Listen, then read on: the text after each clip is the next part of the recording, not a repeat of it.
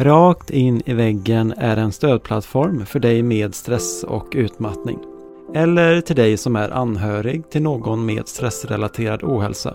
I de här avsnitten som vi kallar för mixade delningspoddar kan du lyssna på människor med stressrelaterad ohälsa som delar sina personliga berättelser och kunskapshöjande information. Lite som Sommar och vinterprat i P1 i Sveriges Radio. Prenumerera, recensera och betygsätt oss gärna på vår hemsida, iTunes eller i din poddapp så att andra vet att vi finns. Vi önskar dig en givande lyssning och tack för att du lyssnar.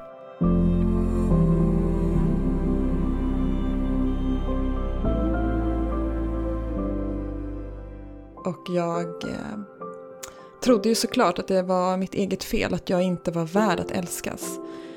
Och eh, i den här äh, ensamheten och känslan av att äh, och det faktum att vara övergiven av den som betyder mest gjorde att jag som barn hittade olika strategier för att överleva. Till exempel så bestämde jag mig för att aldrig visa att jag var ledsen.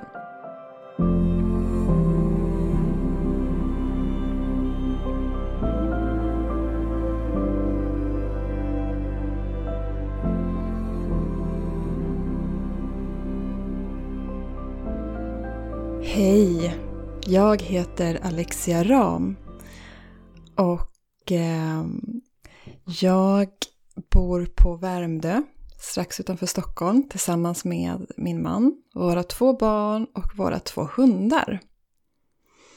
Och innan jag börjar prata om min eh, utmattningsresa så ska jag försöka beskriva mig själv. Jag är en social och utåtriktad introvert. Mm, ni hör ju, bara där kan ju i princip vem som helst bli utmattad. Jag skulle säga att jag har ett högt inre tempo, väldigt livlig fantasi och en eh, hög, jag är en högkänslig person.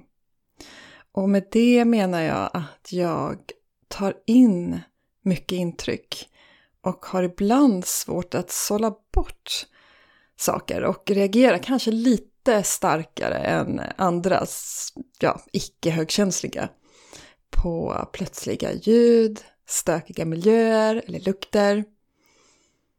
Jag tror att många som är eller har varit utmattade känner igen sig i det här att vara extra känslig. Och det är eh, någonting som om inte annat kanske är något som förstärks när man är utmattad eller har levt med en hög stressnivå under en lång tid så blir man ännu känsligare för alla sorters intryck. Och eh, är det något som utmattningen har lärt mig men som jag i ärlighetens namn fortfarande får påminna mig om, så är det att eh, jag som högkänslig har ett annat behov av återhämtning. Jag behöver extra mycket tid att varva ner, reflektera, sortera intryck. Jag är också en person som har ett enormt driv när det gäller saker som betyder någonting för mig. Och det här är ju någonting som jag ständigt får balansera och vara vaksam på. Jag är en positiv person som överlag ser möjligheter, vilket är både en styrka och en akilleshäl. För eh, var går gränsen om du hela tiden ser möjligheter där andra ser problem? Efter utmattningarna, ja, för jag har två i bagaget, så har jag nu skapat ett liv där jag eh, jobbar hemifrån och på mina egna villkor. Eh, och framför allt så jobbar jag numera med något som betyder någonting för mig på riktigt. Jag eh, har en eh, bakgrund från reklambranschen i Stockholm som i sig eh, är en väldigt eh, hektisk bransch. Eh, och har nu växlat över till att jobba som egenföretagare. Jag jobbar med kreatörer som en kreatörscoach. Jag håller föreläsningar och kurser i den kreativa processen. För att vara i kontakt med sin kreativitet är verkligen någonting som jag är övertygad om hjälper oss att hålla den eh, viktiga hälsobalansen. Jag kommer berätta mer om, eh, om kreativitet och mitt förhållande till kreativitet här under, eh, under mitt eh, samtal med, med er här. Jag är väldigt tacksam för att jag fick inbjudan till att dela min, min berättelse om utmattningen här i Rakt in i väggen-podden. För att jag hoppas och jag tror, eh, i alla fall utifrån mitt eget perspektiv, att vi genom att ta del av varandras berättelser kanske kan finna någon sorts styrka, eh, gemenskap, känslan av att jag är inte ensam i det här. Och om du som lyssnar just nu är i, i din utmattning så eh, vill jag säga att det kommer att bli bra. Det kommer inte alltid vara så här. Min första utmattning hände mig när jag var 23 år. Det är ganska länge sedan nu. Och på den tiden så visste jag ingen under 40 år som hade blivit utbränd. Jag kände mig väldigt eh, ensam i det. Eh, det kändes då som att det var något fel på mig. Det kändes som ett misslyckande. Vilket det såklart inte var. Varken något fel på mig eller ett misslyckande. För jag brukar säga det att alla som har blivit utbrända är verkligen one of a kind. Det krävs en extra förmåga att köra sig själv in i väggen. Alla klarar inte det. Och det säger jag inte för att glorifiera utmattning, absolut inte. Utan jag säger det som någon slags eh, motvikt till en tro som kanske några har om att man inte orkade för att man var svag. Men eh, vi orkade inte för att vi var för starka. Det är min filosofi kring det. Min första utmattning då, eh, som sagt, eh, drabbade mig när jag var ung. Eh, och då fick jag diagnosen utmattningsdepression, så det var en depression med i bilden också. Det var eh, det som ledde fram till den utmattningen är ju såklart en, som alltid en, en komplex mix av eh, livsstrategier, en mix av beteenden, både inre och yttre beteenden. Och med inre beteenden så menar jag eh, sätt att se på saker, sätt att förhålla mig till saker och sätt att tänka kring saker och sätt att förhålla mig till jobbiga känslor. Och yttre beteenden är ju allt beteendens, alla beteenden som, som jag gör, sånt som andra kan se. Liksom. Så det var en mix av allt det här som ledde till kraschen. Jag hade ingen gräns för vad jag krävde av mig själv att jag skulle hinna med. För att jag levde och existerade för mig själv enbart genom bekräftelse och det fick jag genom att prestera. Det lärde jag mig som barn. Ehm, att det var mitt sätt att bli sedd. Jag kommer prata mer om, om mina tankar kring det som har format mig till den jag är och som också har lett mig in i två utmattningar. Men den här utmattningsdepressionen då. Jag eh, såg inte, vad ska jag säga, spurten fram till kraschen. Hur orimligt jag levde. Jag eh, jobbade heltid på kontor. Jag, eh, jag var också gruppträningsinstruktör på Sveriges största gymkedja och instruerade runt fem, sex klasser i veckan. Det var mestadels eh, spinning och dansklasser som jag tyckte var otroligt roligt. Och utöver det här så hade jag ett eh, socialt liv, ett aktivt liv där jag eh, ville umgås mycket med eh, vänner. Så jag planerade mina dagar i kvartar för att verkligen optimera. Jag var levnadsglad. Jag ville hinna med så mycket roligt som möjligt. Och Eh, i det samhälle vi lever i och i den kultur vi lever i så uppmuntras ju vi till att eh, eh att alltid liksom eh, prestera på topp. Mm. Och eh, sista månaderna innan kraschen så tappade jag förmågan, kändes det som, att somna, att sova. Jag kunde inte somna, jag låg vaken i desperation och längtan efter att få sova. Men min kropp var så uppe i varv att jag kom aldrig ner i, i den sömn jag behövde. Jag kanske snittade på tre timmars eh, sömn. Eh, eh ja, lätt sömn per natt i ungefär tre månader innan det tog tvärstopp. Jag eh, tappade all glädje i allting. Jag upplevde att eh, jag inte såg färger lika tydligt och att jag inte kände lukter eller smak lika tydligt. Det, inget smakade någonting.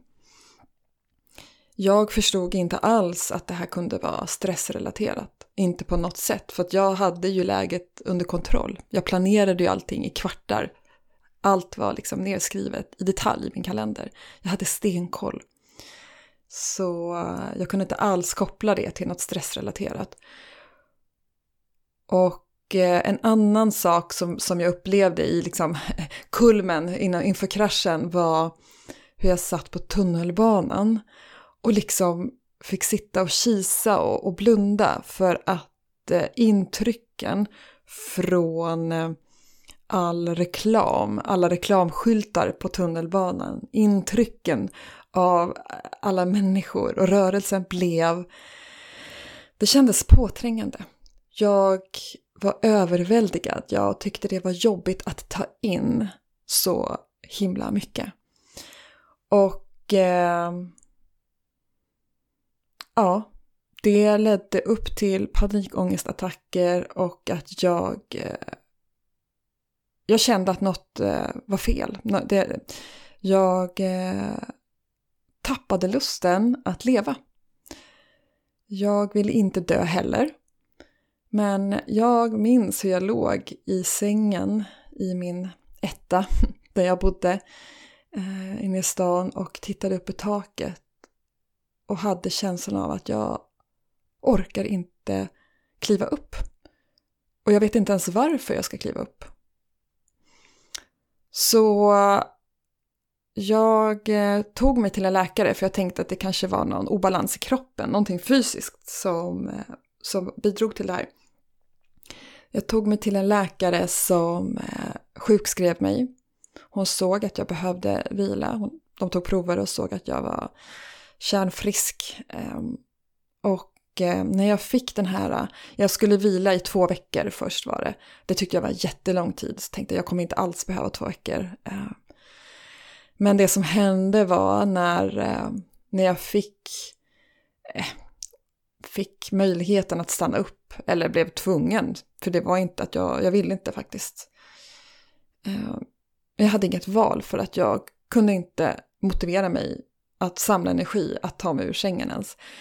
Då blev det ännu värre mitt mående blev ännu värre. Jag eh, minns faktiskt inte så mycket av de första veckorna annat än att jag bara grät och grät och grät. Den här bottenlösa gråten eh, av att vara så trött och hur jag kröp från sängen för att ta mig till toaletten i min lilla etta och sen tillbaka till sängen. Eh, ja, och eh, de här två veckorna blev eh, till månader och eh, sakta men säkert så började, började energin komma tillbaka. Jag fick hjälp att prata om, om min utmattning. Men jag gick liksom aldrig på djupet och rannsakade mig inte själv. Jag hade inte förmågan, jag hade inte de mentala verktygen att eh, riktigt förstå varför jag hade hamnat där jag gjorde. Så när jag eh, började må bättre efter ungefär 6-7 månader så var jag så glad för det. Att jag hade ork igen att göra saker och att jag började känna någonting igen. För jag hade liksom tappat förmågan att känna någonting alls. Så jag ville liksom inte hålla på och gräva i varför jag hade hamnat där jag var. Jag tänkte mer att ja, men det var för att jag hade gjort för mycket. Så det är bara att jag får se till att akta mig för att inte göra för mycket. Och eh, jag ska memorera symptomen eh, jag hade innan kraschen för att aldrig, aldrig, aldrig mer hamna här. Under min återhämtning så vet jag att jag spenderade mycket tid på Stadsbiblioteket i Stockholm som jag Ja, det är en speciell plats som alltid gör att jag känner mig lugn inombords och eh, lite pirrig. Så mycket berättelser, så mycket... Ja, det, det, är ett hus fyllt av så mycket att utforska. Det väckte en kittlande längtan inom mig att eh, skapa någonting. Så jag lånade böcker, konstböcker och böcker om eh, hur man målar. Och skaffade mig ett staffli och eh, några tuber akrylfärg och penslar. Och så började jag måla. Ehm, och det gav mig någon sorts, en speciell känsla av att eh, få vara jag på något sätt. Som var viktig för mig. En väldigt vilsam aktivitet som i början för mig var helt kravlös. Efter den här utmattningen så eh, sa jag upp mig från det jobb jag hade och eh, för jag jobbade på kontor som eh, assistent på telekombolag. Innan dess hade jag haft alla möjliga, alla möjliga jobb. Jag eh, hade börjat jobba heltid efter eh, nian ehm, som städare på restaurang, i barer, i en hälsokostaffär, ehm, kundtjänst. Jag, eh, ja, jag hade haft många, och äldrevården, personlig assistent, jag hade haft många olika typer av jobb för att eh, jag eh, hindrades ifrån att följa mitt hjärta. Och på vilket sätt då? Då ska jag ta er tillbaka till när jag var ungefär sex år och eh, var... Eh, jag kan först bara kort ta bakgrunden. Eh, min uppväxt, jag var ensam barn och Eh, blev bortlämnad mestadels under min barndom till eh, barnpassare. Så jag kände mig och var eh, ett osynligt barn, övergivet barn som växte upp i tron om att ingen ville ha mig. Att jag inte var värd att få vara med, med de som betydde mest för mig. Med min mamma som var ensamstående och gjorde sitt bästa utifrån sina förutsättningar. Ehm, hon var väldigt ung när hon fick mig och eh, ja, ehm, hade inte mm, kapaciteten att möta det barn hon fick i mig och jag eh, trodde ju såklart att det var mitt eget fel, att jag inte var värd att älskas. Och eh, i den här äh, ensamheten och känslan av att äh, och det faktum att vara övergiven av den som betyder mest gjorde att jag som barn hittade olika strategier för att överleva. Till exempel så bestämde jag mig för att aldrig visa att jag var ledsen. För att om jag var glad så märkte jag att människor, människor omkring mig blev också glada. Och jag förstod ju snabbt att man vill ju hellre vara med människor som är glada än ledsna. Så det var någonting jag bestämde mig för att jag ska alltid vara glad.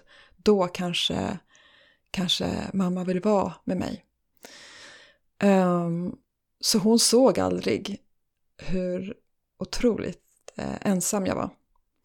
Jag eh, utvecklade strategier att känna av hur andra människor mår och anpassa mig efter det. Ehm, och det är väl det som kallas för medberoende, antar jag.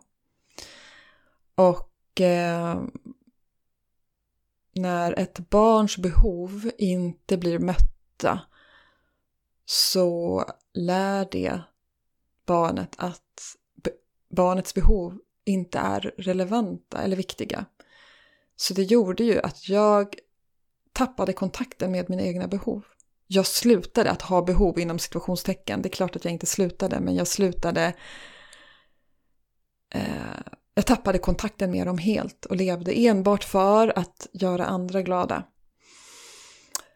Och eh, när jag var i sexårsåldern så var jag med förskolan på en teaterföreställning och eh, jag tror att det kan ha varit min första teaterupplevelse. Och den här teaterupplevelsen kom att förändra mitt liv totalt. Jag minns fortfarande hur det såg ut i teatersalongen och var helt förtrollad av stämningen. Den här äh, sagolika berättandet som försiggick framför mig på scenen. Det var helt, ja men det var som att jag fick träda in i en förtrollad värld och en känsla, en djup känsla av att ha kommit hem. Jag visste, jag visste där och då, sex år gammal, att det är det här jag vill göra. Jag ska spela teater. Det här är mitt hem. Det här är mitt kall. Såklart hade jag inte sådana begrepp som sexåring, men det var känslan så som jag beskriver den Eh, nu som vuxen. Och eh, ända sedan dess under eh, resterande åren av min barndom så berättade jag för alla vänner och kompisar att jag ska bli skådespelare. Jag ska jobba med teater.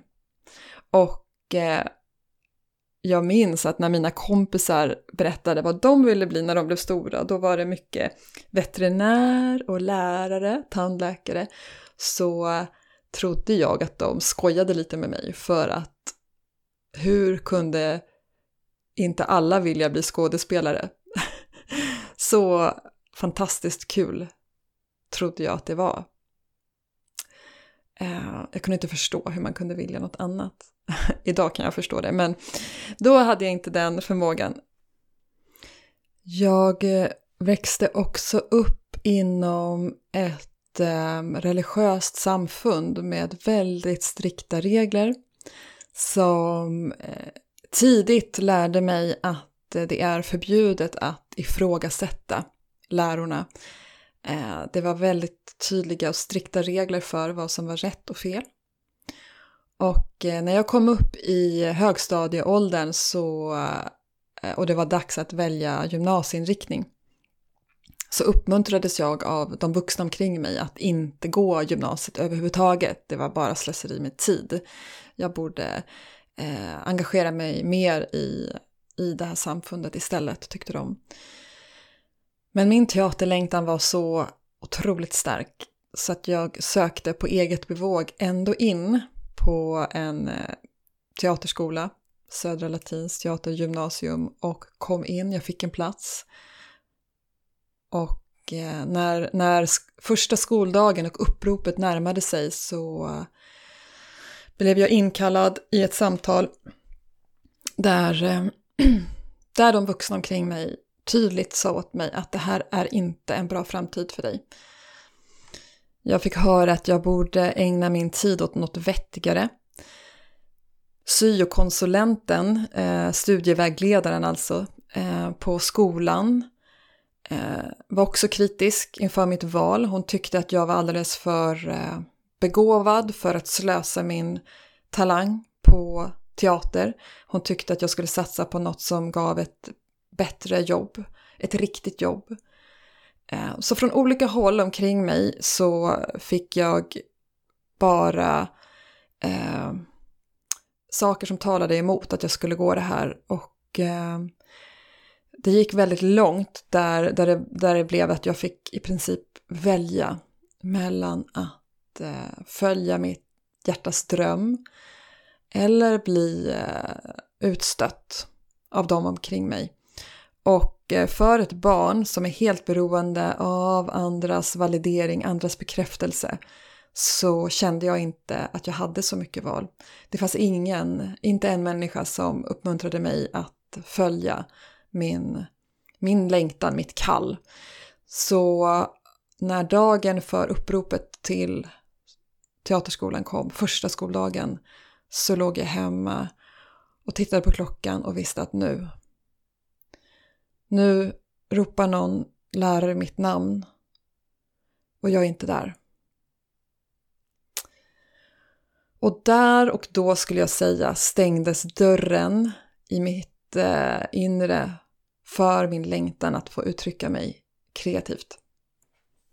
Jag hade under följande år svårt att gå på teaterföreställningar och titta för att det gjorde för ont. Jag blev för ledsen. Det påminde mig för mycket om det som skulle eh, ha varit mitt liv.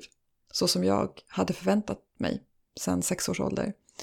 Jag, eh, jag eh, fokuserade istället på att göra allt för att eh, uppfylla andras behov och Eh, jag hade lätt för mig i allt jag företog mig, eh, allt ifrån skolan till alla jobb jag hade.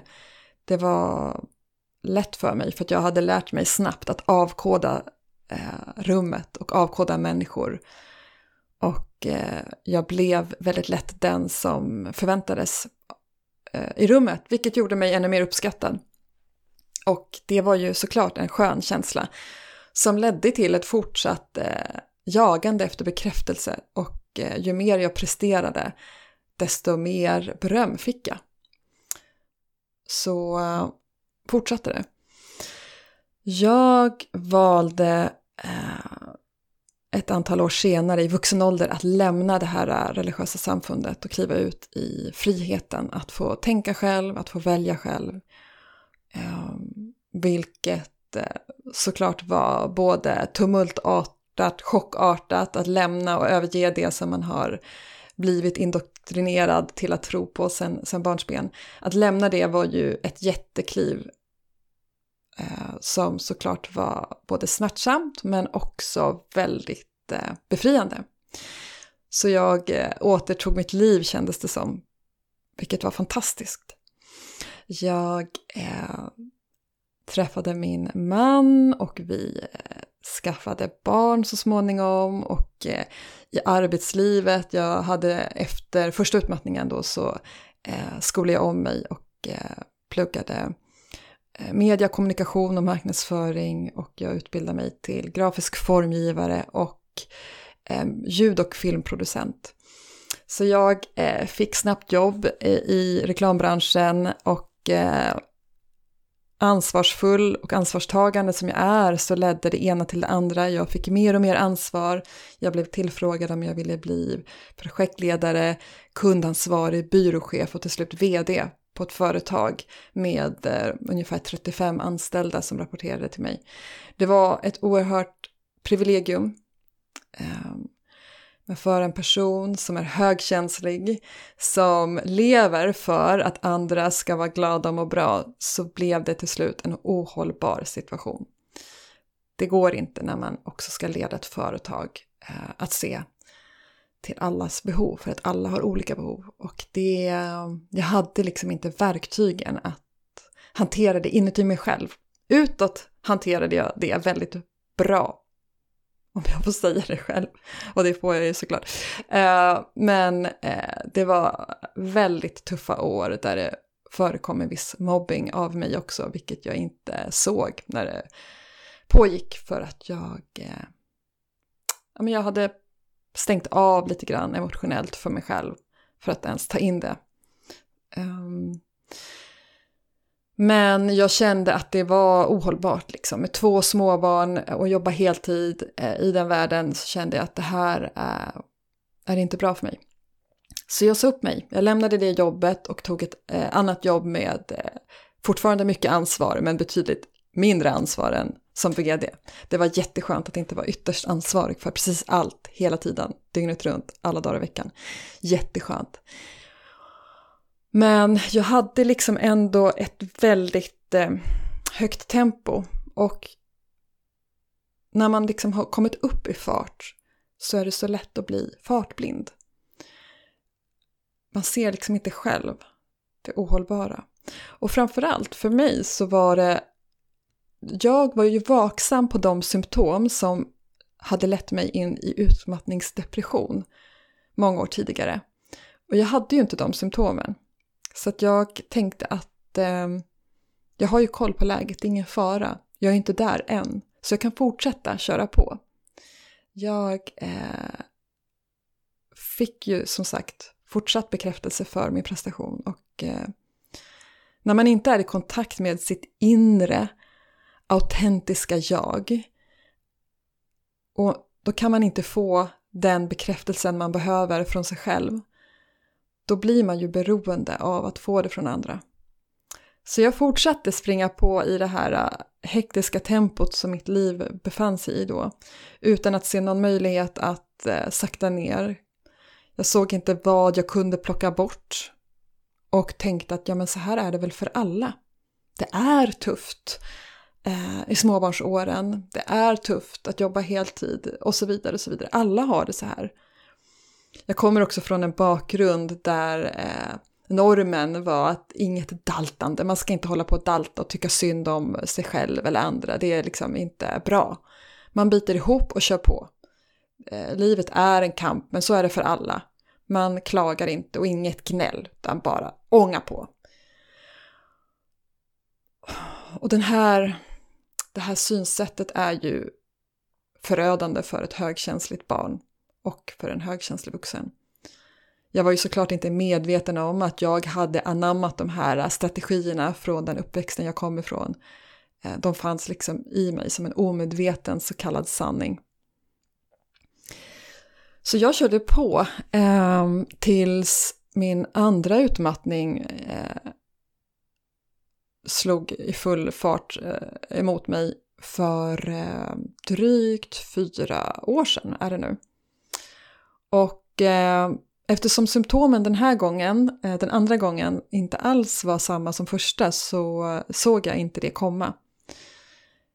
Andra utmattningen så blev jag eh, diagnostiserad med utmattningssyndrom som ju är utmattning fast utan depression. Så det var en helt annan mardrömsresa än den första. Ehm, jag eh, kände någonstans inom mig att tempot, mitt inre tempo och även runt omkring mig, att det liksom hade skruvats upp mer och mer på ett sätt där jag kände att jag befann mig nästan som på ett skenande tåg. Eh, men jag kunde verkligen inte se hur jag skulle kunna sakta in det här. Vi närmade oss sommar och semester så tänkte jag att ja men snart får jag vila, snart får jag vila, bara lite till. Men det som hände var att jag eh, en morgon på jobbet när jag startar datorn hamnar i ett plötsligt chocktillstånd. Um, det är nästan svårt att beskriva så här i efterhand för att det, så, det var så overkligt då. Men det var ett tillstånd av eh, ett, där jag liksom frös. Inte som av kyla utan där jag frös. Eh, hela mitt system frös till, liksom förstenades paralyserades. Och det var som att en enorm rädsla, jättestark ångest liksom bara tog ett grepp om hela mig. Och jag hade känslan av att eh, jag håller på att dö. Jag blev vettskrämd. Och reser mig från stolen och går som liksom i en bubbla. Där jag nästan har svårt att höra vad mina kollegor sa till mig när vi gick förbi varandra i korridoren. Eh, det var som att jag började röra mig nästan i slow motion. Jag var i verklig chock. Eh, och kände att jag eh, måste ha hjälp. Jag vet inte vad som händer med mig, men jag måste ha hjälp. Jag eh, var som förstenad av skräck inför ett odefinierat hot. Jag blev övertalad av min bästa vän att uppsöka läkare genast. Jag förstod att hon hade rätt. Så jag gjorde som hon sa. Och eh, träffade en läkare, beskriver hur jag mår. Eh, hon undersökte mig och hittade ingenting. Jag hade massvis med fysiska symptom. Hela min kropp larmade ju eh, med alla möjliga symptom. Eh, bland annat domningar i ena handen. Så att jag blev skickad till akutröntgen. Och minns jag sitter i väntrummet på akuten för att röntgas och tar ett jobbsamtal. Och förstår inte hur absurt det var i den situationen. Men inte ens då, där jag befann mig, kunde jag släppa ansvaret. Ehm, jag röntgades och direkt, ehm, det här sker alltså på samma dag, först ett läkarbesök och sen remiss till akutröntgen på ett, eh, på ett sjukhus. Ehm, och sen tillbaka till vårdcentralen och träffa en psykiatriker där jag fick en akut tid samma dag. Och eh, hon skrev, eh, jag hade fått en akut eh, eh, eh traumatisk stressreaktion. Och eh, behövde förmodligen vila. Och eh, jag fick också besked samma kväll, ringde läkaren med resultaten från röntgen och sa att det såg helt normalt ut, det var inget, inget fel. Så jag eh, fick vila. De sa ta sommaren så bokar vi in ett möte, ett samtal efter sommaren och ser hur det mår då. Och precis som vid första utmattningen så blev det ju mycket, mycket värre. Mitt mående blev mycket värre när jag stannade upp, när jag eh, fick semester från jobbet och eh, alla krav liksom. Ja, inte riktigt alla. Som förälder så, så släpper ju inte kraven på en helt, men men alla andra krav som inte är lika viktiga som ens familj eh, lyftes bort. Och då kunde jag inte undvika eh, mig själv längre på något sätt. Um, och ja, andra utmattningen var ju en helt annan eh, mardrömsresa mm, än den första. Det tog ungefär nästan ett år innan jag var tillbaka i livet igen. Och den här gången har jag på ett helt annat sätt reflekterat mycket, mycket mer. Vad är det som har gjort att jag hamnade här? Hur kan jag bättre ta hand om mig själv? Um, jag ska snart dela med mig om det till dig som lyssnar. Men det jag vill säga först, det som var vad ska man säga, vändpunkten till att börja läka eh, för mig var när jag släppte taget om tiden. När jag accepterade, alltså verkligen accepterade att jag kan på inget sätt påverka den här tidslinjen av läkning. Jag kan inte skynda mig att vila färdigt för att återgå till livet. Jag kan inte styra det på något sätt. Jag kan inte prestera mig ur den här utmattningen. Jag vet inte om den kommer ta en månad, ett halvår, ett år eller fem år. Och det här var bland det jobbigaste för mig.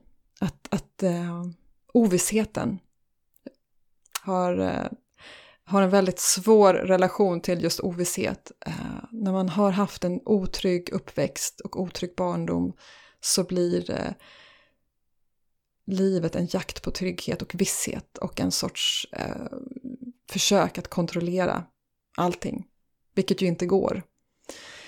Så när jag till fullo accepterade att det här tar den tid det tar, min kropp är en levande organism, jag kan inte styra den som jag styr ett projekt på jobbet till exempel. Jag kan inte styra min kropp som jag eh, styr bilen jag kör. När jag accepterade det, det var först då jag eh, började återhämta mig på ett djupare plan. Så det var en viktig, eh, viktig insikt för mig i mitt läkande. Så om du befinner dig i din utmattning och lyssnar på det här så vill jag eh, uppmuntra dig till att eh, försöka acceptera att eh, det här är någonting du inte kan styra över faktiskt. Hur smärtsamt det än är så är det faktiskt så. En annan sak som jag sa i början och som jag vill säga igen som var oerhört viktigt för mig att få höra gång på gång på gång när jag mådde som sämst i utmattningen. Det var att få höra av de omkring mig att det här kommer gå över. Det kommer att bli bra. Även om du inte tror det just nu. Även om det inte känns så just nu så kommer det att bli bra. Så det är också någonting jag verkligen vill att du som lyssnar tar till dig ifall du befinner dig i en utmattning eller om du kanske har en nära anhörig som är utmattad. Det kommer att bli bra. Vi vet bara inte exakt när. Och jag, jag har ju förstått um, i min läkning från andra utmattningen där jag har på ett helt annat sätt gått tillbaka. Uh, gått tillbaka i min livshistoria och förstått liksom hur uh, åren i en, en, eh, det här uh, religiösa samfundet har format mig till att alltid prestera mer och alltid lyda utan att ifrågasätta. Hur en upp, otrygg uppväxt i ensamhet och övergivenhet har format mig Eh, till att tro att jag inte är värd någonting om jag inte presterar. Allt det här ehm, har, har lett mig eh, till att inleda en relation med mig själv. Jag brukar tänka på att jag har mitt inre barn, eh, alltså det barn som har varit jag. Jag har försökt få kontakt med henne ehm, för att på något sätt liksom Eh, börja lyssna till mina behov, vad behöver jag? Och eh, komma till insikt i att mina behov är precis lika viktiga och värdefulla som alla andras behov. De förtjänar att bli hörda och bemötta lika mycket som alla människors behov förtjänar. Jag har kommit till att se på min högkänslighet som en, eh, en gåva. Nu när jag vet att jag behöver ta hand om det extra mycket genom eh, mycket egen tid. Eh, jag behöver mycket tid för mig själv, ensam. Ehm, jag behöver tid att få vara i mitt målande. Jag behöver tid att få läsa böcker eller vara ute i skogen med mina hundar. För att jag är också väldigt utåtriktad och social på samma gång. Eh, den här högkänsligheten är också en gåva i, när jag skapar. Och eh, att vara i sin kreativitet och i sitt skapande förutsätter att du inte har en hög nivå av stress omkring dig. När vi är i ett stressat tillstånd så liksom sluter vi oss och fokuserar på leveransen eller deadline eller slutdestinationen, målet. Skapandet och kreativiteten kommer ur ett mer avslappnat tillstånd där vi kan vara öppna. Och jag nämnde ju min teaterlängtan. Jag har i vuxen ålder förstått att det faktiskt aldrig är för sent. Så länge vi lever är det inte för sent att göra det som gör oss glada. Så eh, jag spelar sedan Jag började faktiskt eh, med teater innan min andra utmattning. Ehm, så jag spelar med i en teaterensemble, improviserad kom komedi. Vilket är det absolut roligaste jag vet i hela världen. Det ger mig så mycket glädje. Det bidrar eh, till så mycket lekfullhet och nyfikenhet.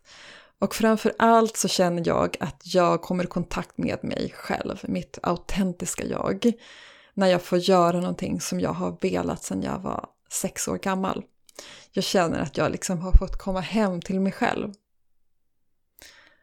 Så det är också därför jag eh, har valt att eh, ägna mitt arbetsliv åt att stötta människor, personer som har en längtan efter mer kreativitet i sitt liv på ett hållbart sätt.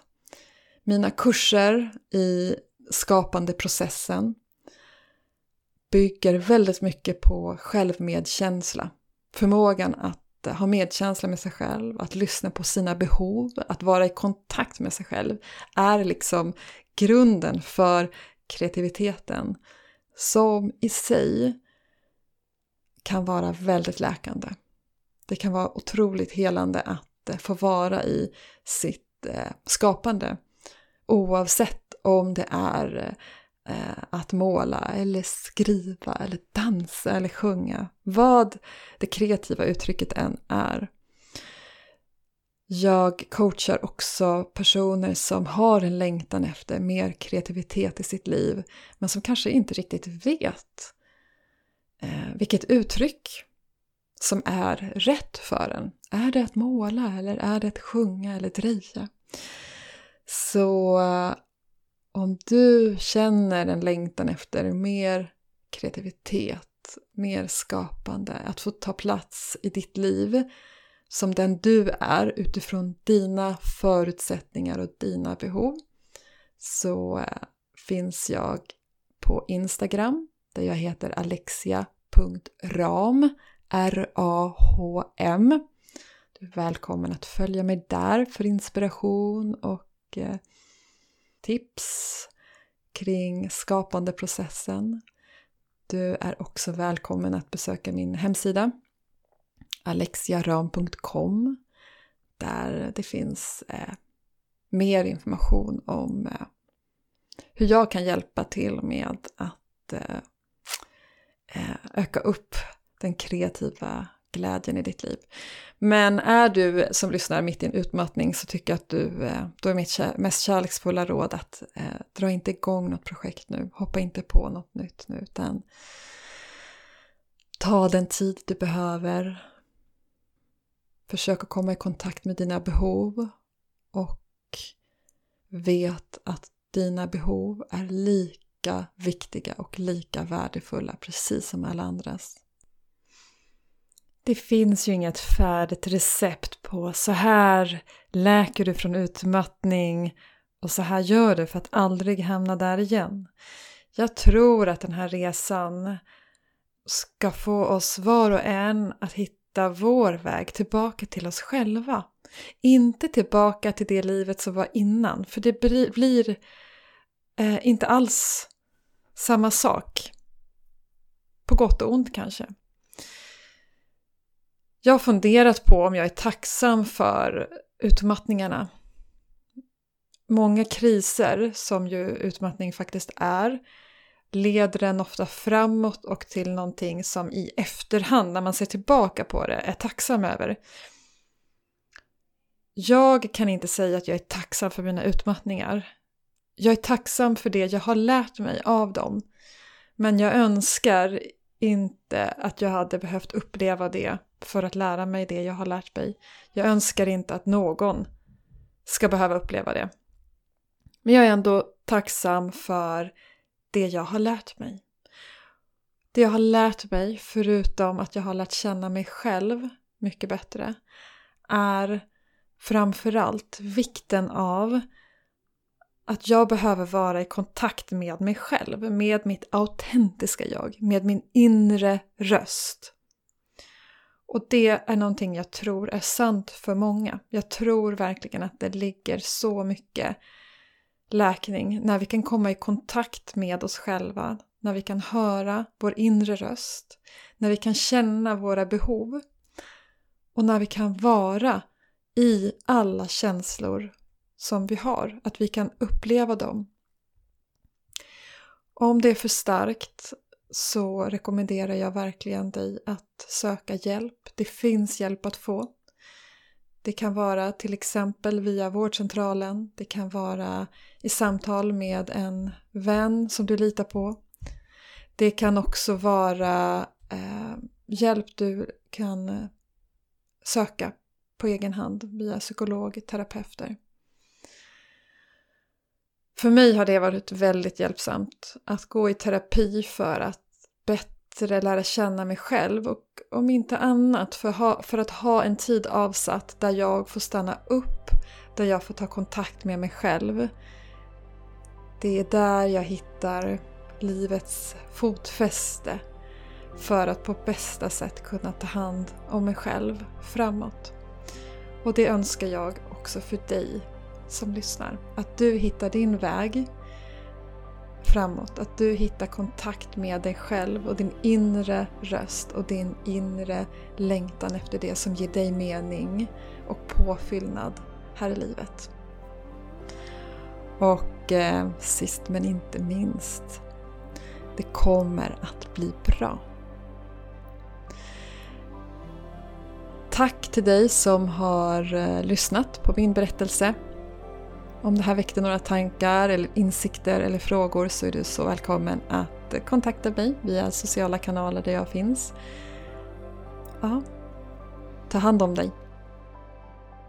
Vill du också medverka i Rakt in i väggens podcast?